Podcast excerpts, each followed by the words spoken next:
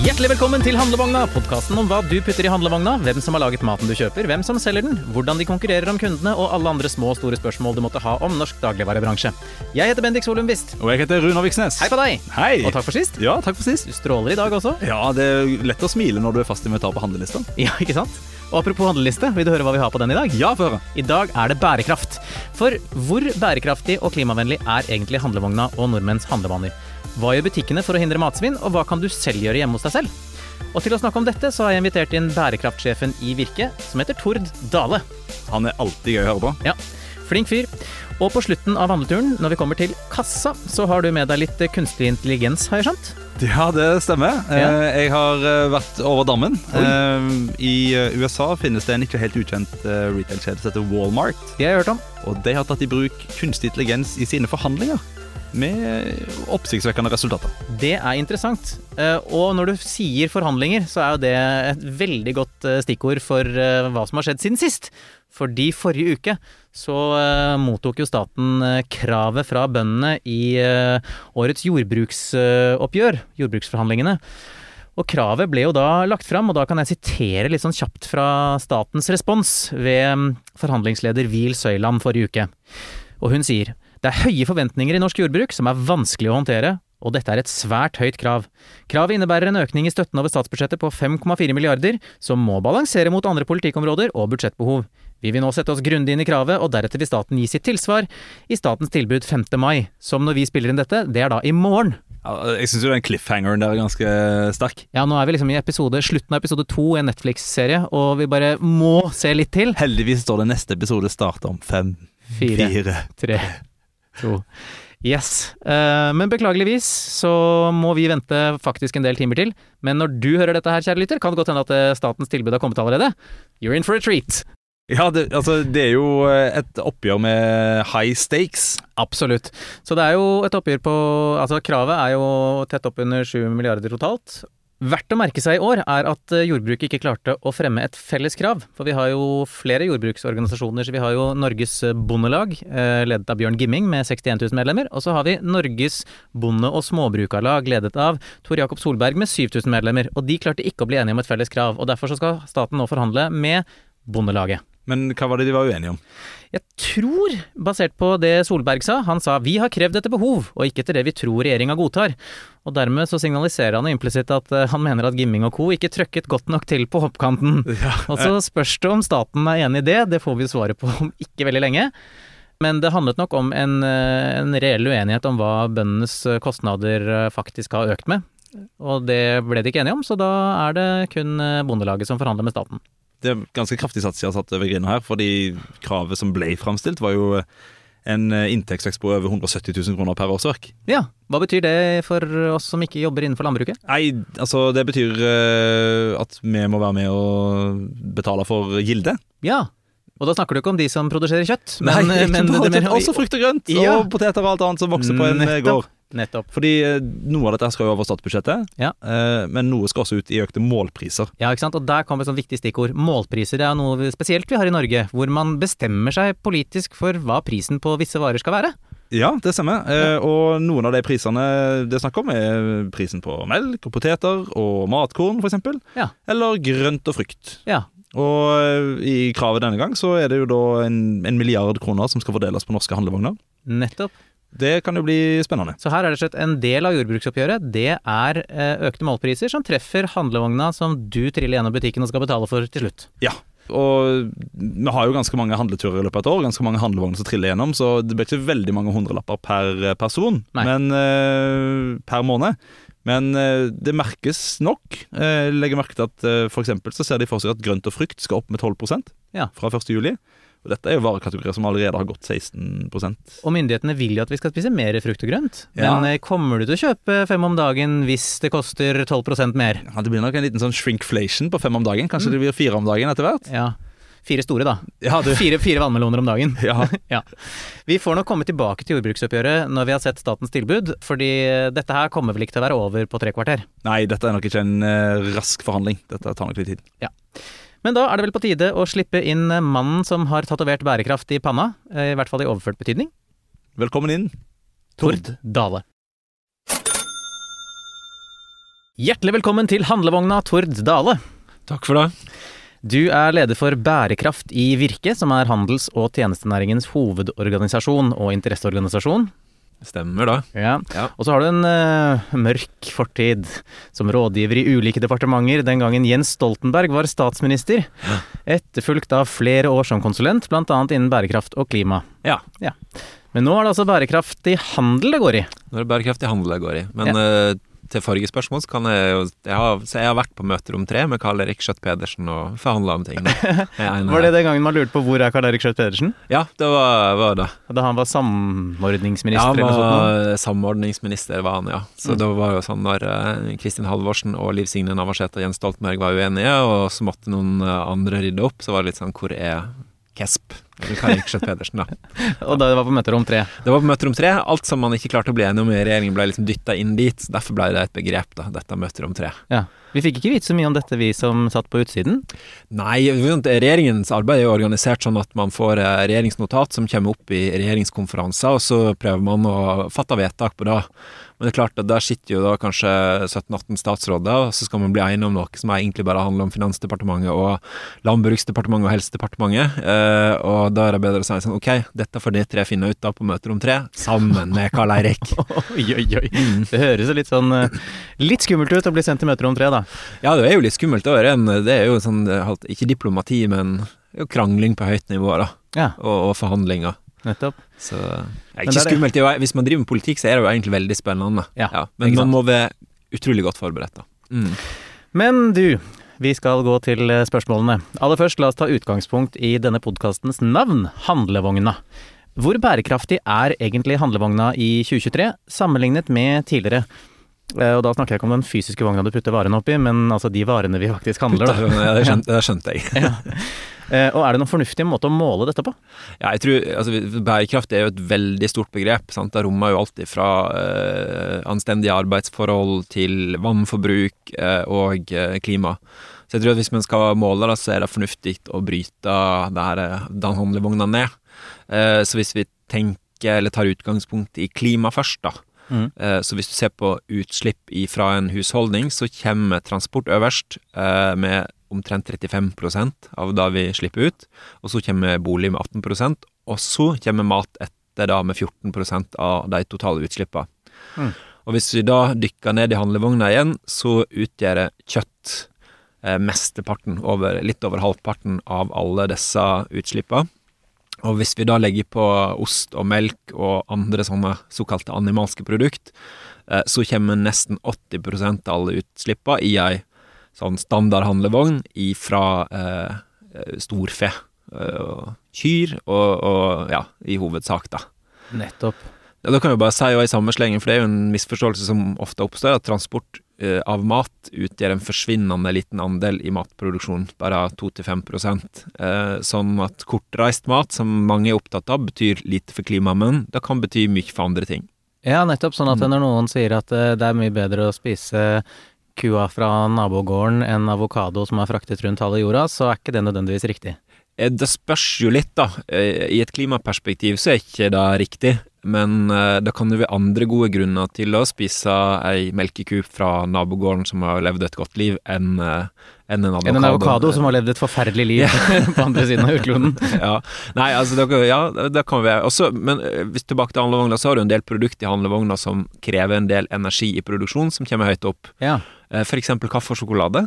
Uh, Fordi det krever i varme i tilberedningsprosessen. Ja, selvfølgelig. Så de tinga er jo faktisk også eh, har, har faktisk litt utslipp, men vi spiser jo ikke så mye sjokolade. Eh, Nei, vi gjør ikke det? Nei, ja, eller vi spiser jo en del, men Ja. sammenlignet med de andre tinga som er i handlevogna, så er jo sjokoladen forhåpentligvis en liten andel.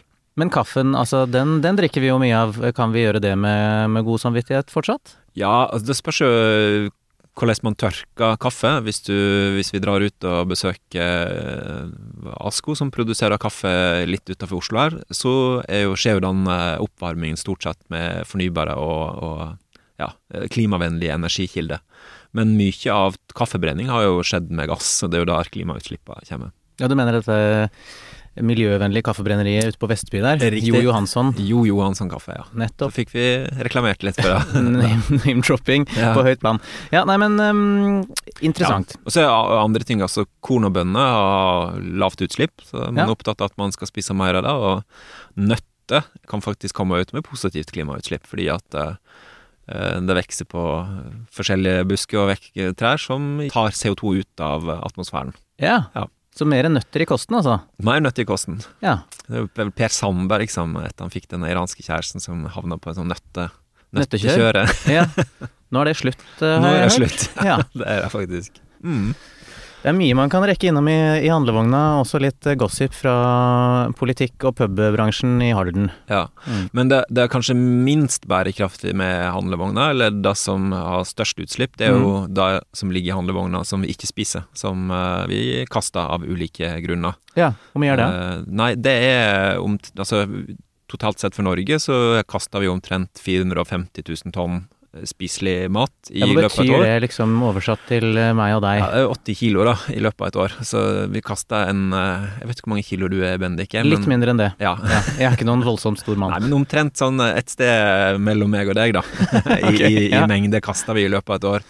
Ja. Og så er mesteparten av det eh, brødvare, frukt og grønnsaker. Sant? Som eh, blir, brød som blir tørt, eh, og frukt og grønnsaker som blir liggende for lenge. Slappe gulrøtter og litt sånn råtne bananer. Men altså, går de kastekaster rett i søpla, eller går det til eh, dyrefòr og sånt noe? Altså, fra butikker så går stort sett eh, Jeg vil bare si det, da. Mesteparten av matavfallet kommer på husholdningsleddet. Halvparten kommer der, hjemme hos oss. Ja. Eh, så, så der har vi mye å jobbe med. mm. Eh, fra butikk så ligger det på omtrent eh, 15% av, av det totale matavfallet. Så 85% av det som eh, svinnes i en butikk, det går videre til dyrefòr eller andre ting? Ja, som, altså 15% av alt matavfall i Norge kommer fra butikk. Ja, Eh, men, men mesteparten av det, altså tørt brød og frukt og alt som kan, det går til dyrefòr eller andre ting. Ja. Så det er sånn, Selv om vi har matavfall i Norge, så blir ikke det kasta i restavfallet. Mesteparten i dag, heldigvis, blir eh, enten gjenvunnet til biogass eller til kompost, eller eh, f.eks. til dyrefôr. Men så er det jo en del regler, altså mange ting man ikke kan bruke som dyrefôr, f.eks. da animalske produkt kan ikke Ja. gå inn i fôr igjen. og Det handler om matsikkerhet. Nettopp. Ja. Men altså hjemme hos oss, det er der halvparten av alt matsvinnet skjer? Hjemme hos deg og meg? Rett og slett. Ja. Ja. Hva kan vi gjøre med det? Nei, det blir jo eh, litt sånn eh, Det er jo vært forska mye på um, av sånne som driver med atferdsøkonomi, men jeg tror da en av de tingene de har funnet ut det mest effektivt, det er å ikke ha så masse greier i kjøleskapet. Ja. Det er jo litt det samme som med klesskapet, at dess fullere det er, dess eh, mer kjøper du fordi man ikke veit hva som er der fra før. Mm. Sånn at da å rett og slett Marie Kondo var litt Ja, ja, hun har jeg hørt eh, noen jeg deler hus med har snakket med er entusiasme ja. Ja. om uh, Nei, man må eh, ta, ta en ryddeoperasjon i kjøleskapet, rett og slett, og få sånn bedre oversikt over det som er der. Så bruker man mindre, og det ser man også på tallene, så er det mindre matsvinn hos de med lav inntekt, og høyere hos de med høy inntekt. Så det henger jo sammen. Nettopp. Kanskje ikke så overraskende. Ikke sant. Vet du hva jeg har testa for å ja, ikke, Det var ikke nødvendigvis matsvinn som var drivkraften, men det var en sånn heldig bieffekt, og det var å teste sånn uh, matkassevariant hvor man får levert akkurat det man trenger til uh, å, å lage en, de tre eller fire middagene du bestiller, da. Ja. Og da får du akkurat det du trenger, Nettopp. og ikke en tøddel mer. Og det er veldig godt porsjonert ut, sånn at uh, vi ender med altså, Det er ikke så mye Tupperware-bokser fulle av matrester som vi da ikke lager noe av etterpå. Nei, og da, da går svinnet, svinnet ned. Ja. Men så er det en utfordring med de eskene, og det er at eh, det blir jo fryktelig mye emballasje når man skal få eh, noen gram eh, av et eller annet, en eller annen grønnsak. da. Det Ja. er selvfølgelig et, en side effect, men det er ofte pakka inn i papir og sånne ja, er pappgreier og sånn. Men det der illustrerer jo at når du bestiller ting i små porsjoner, så får du mer emballasje. Illustrerer jo liksom Mm. den klassiske på bærekraft. Det er at mm. når du trykker i en ende, så tyter det ofte ut i en annen. Eh, sant? Og det er jo tilbake til kua og avokadoene. avokadoen. Mm. Eh, ei ku som eh, beiter på eh, gress i Norge, i utmark, eh, bruker lite kraftfôr sammenlignet med kjøtt fra andre deler av verden, Mm. eh, og er positivt for eh, kulturlandskap og, og har en del andre verdier. Eh, og matsikkerhet da, for så vidt. Eh, og så avokado, I avokadoproduksjon så vet vi at det er stort vannforbruk i land med kanskje lite tilgang på vann. Og vi vet også at innenfor deler av den eh, næringen så har det tidligere vært utfordringer knytta til dette med sosial bærekraft, altså at det har vært underbetalte arbeidere på dårlige kontrakter. Ja. Så det har- skjedd veldig masse der, men, eh, men det har vært en historie annet med bananproduksjon som eh, eh, ikke, ikke man er veldig stolt av. En, ja, en svensk reporter har lagd en dokumentar om det her som heter Bananas, eh, som kom i 2009 okay. som illustrerer her veldig godt. Og Dole, da, som ble hengt ut i den eh, dokumentaren, gjorde jo noe veldig dumt. da. De gikk jo til sak mot journalisten for å prøve å strupe denne dokumentaren, og det endte jo med at den svenske riksdagen reiste seg og sto opp for denne eh, dokumentaren og dokumentarfilmskaperen, som gjorde at de fikk mer blest. Ja. Så Og bottom line her, hva, hva var det de hadde gjort gærent?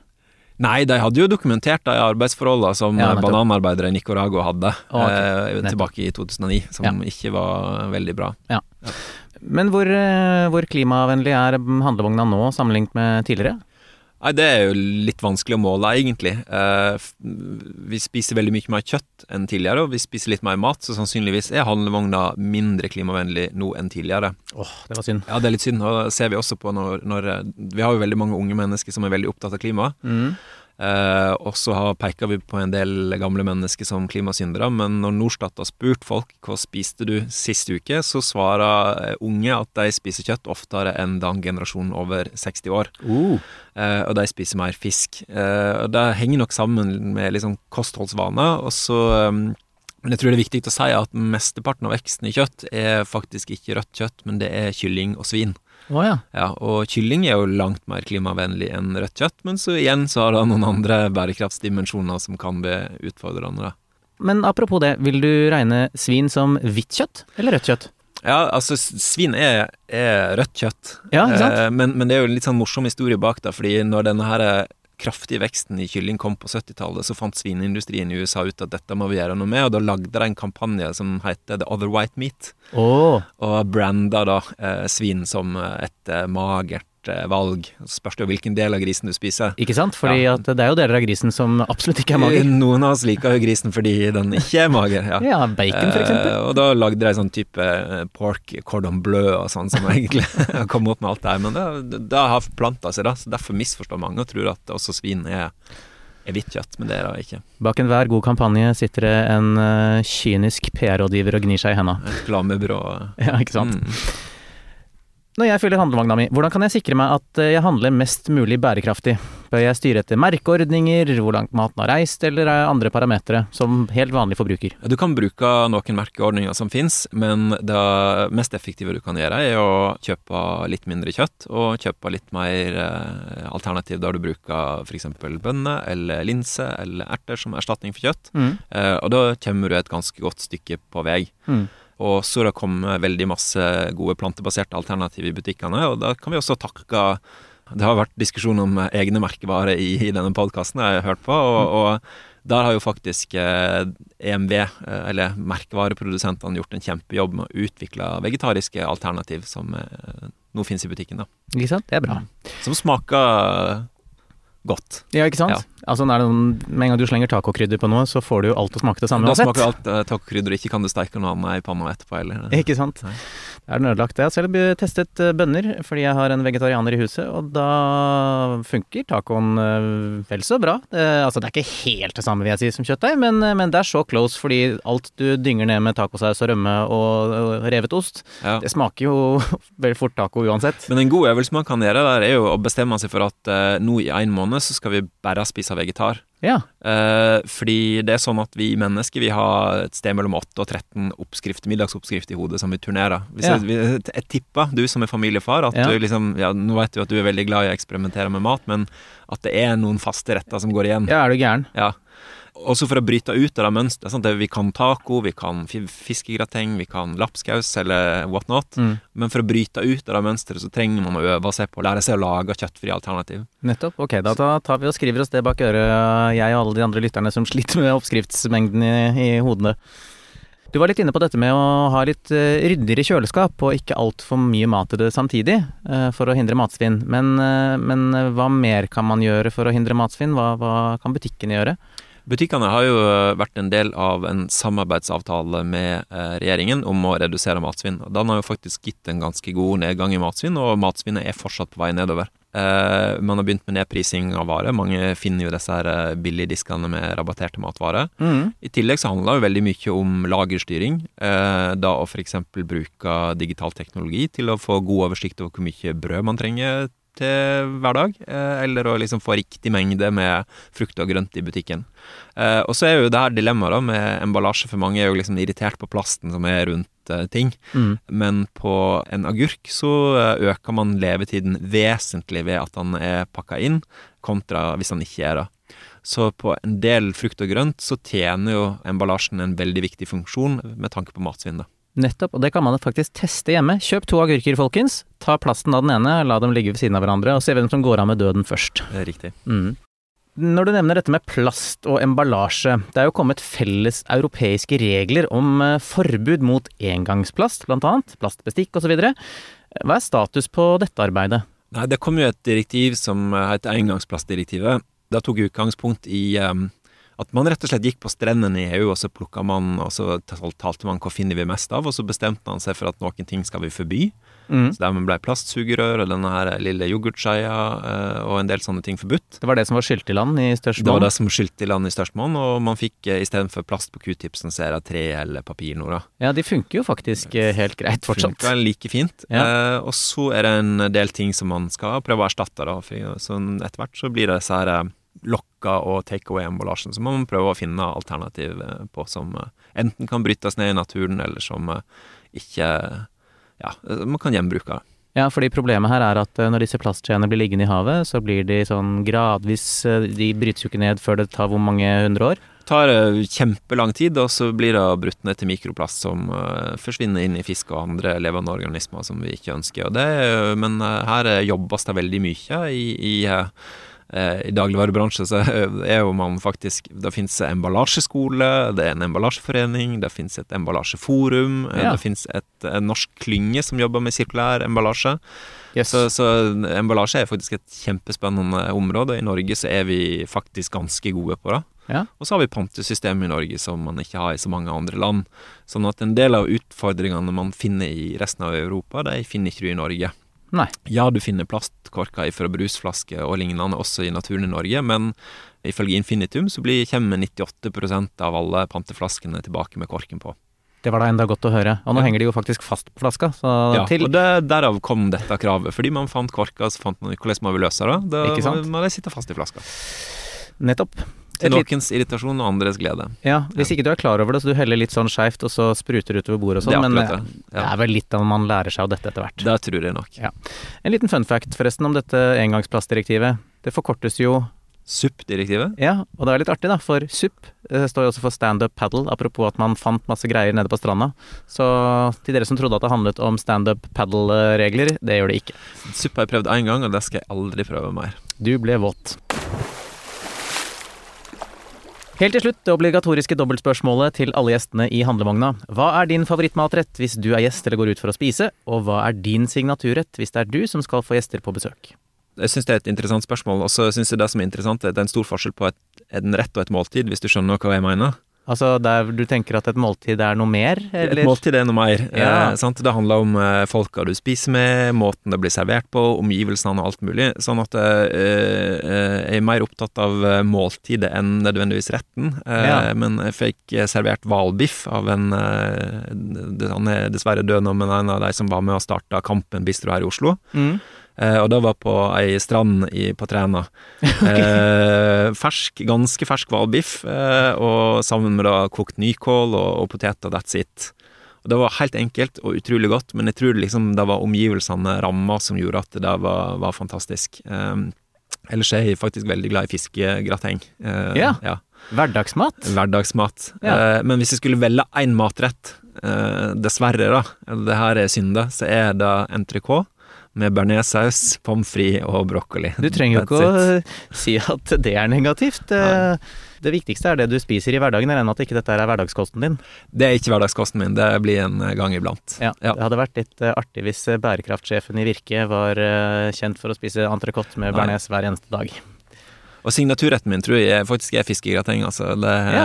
Jeg lager en veldig god fiskegrateng, rett og slett. Du gjør det? Ja. Altså det er ikke den derre som du får fra Nei, frysedisken? nei, er du gæren. Det her er en helt annen liga. Ja, nettopp. Ja, det var godt å høre. Vi skal spise mer fisk, har vi hørt. Så um, det er godt at noen kan gå foran i det toget. Tusen takk for at du kom på besøk i handlevogna, Tord Dale. Takk for at jeg fikk komme. Og da, Runar, er vi kommet til kassa, og vi skal straks betale, men du har med deg litt kunstig intelligens eh, som supplement til din naturlige intelligens og sjarme? Ja, i hvert fall en nyhet om kunstig intelligens. Fortell, fortell. Ja, eh, Det har seg sånn at eh, over i USA så er det en eh, relativt stor retail-kjede som heter Walmart. De har jeg hørt om. Ja, De selger alt fra ost til gønnere. Ja, det stemmer. De har, men de har noe sånn som 6% markedsandel på retail i, i USA. Det er ikke helt ubetydelig. Nei, for det er et stort land, det der. Det er et ganske stort land. Og Ja. 6% markedsandel i en verdensdel, det er ganske greit. Uh. Og, og det de nå har begynt med, det er å la kunstig intelligens stå for forhandlingene med sine leverandører. Oi. Ja, altså Hva ikke, betyr det i praksis for eh, vanlige folk? ja, det betyr at uh, forhandlingsdelegasjonen til Walmart, Mm. som forhandler med leverandører av handlevogner og annet utstyr som de trenger for å drifte butikkene sine, Eh, De har nå istedenfor å ta dialogen direkte med alle leverandørene sine, så har de fortalt en robot uh, hvilke betingelser de vil sette, hvilke priser de ønsker å oppnå, og hvilke betingelser de vil ha, og så har de latt roboten ta seg av forhandlingene. Jøss. Så den har eh, de, Leverandøren har rett og slett måttet forholde seg til en chatbot, eh, og den chatboten har vært så god å forhandle at det vil de gjøre mer av. Hvordan fungerer det da? Er det sånn at når kravet fra handlevognprodusenten kommer inn, så sier han at de skal koste 100 dollar per stykk, og så får de svar sånn Det kan du bare drite i. Og så får du et motkrav fra chatroboten som vet hvor man må legge seg for å få et ja og en, en minnelig løsning for alle. Ja, altså Nå har jo kunstig intelligens blitt såpass uh, menneskelik Ja. at uh, den finner det beste i forhandlingsteknikker som den har kunnet lese seg på internett.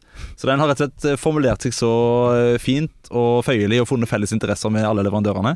Så den har ikke bare ført til besparelser for Walmart i størrelsesorden halvannen til 3 i Nei. gjennomsnitt, og 30 dager lengre kredittid for Walmart. Yes. Eh, den har også kutta ned forhandlingstiden.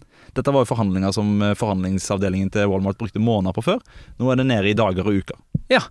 Så eh, det å ta i bruk et sånn kunstig intelligensverktøy har vært både bra butikk og mer effektivt. Det blir spennende å se hva som skjer når begge parter eh, bruker kunstig intelligens. Da, da kan jo forhandlingslærerne sette seg ned og drikke drinker i et par timer, og så er forhandlingen over. Ja, altså Nå kan eh, forhandlingsdelegasjon det kan bli et sånt synonym for eh, liksomarbeid. Ja.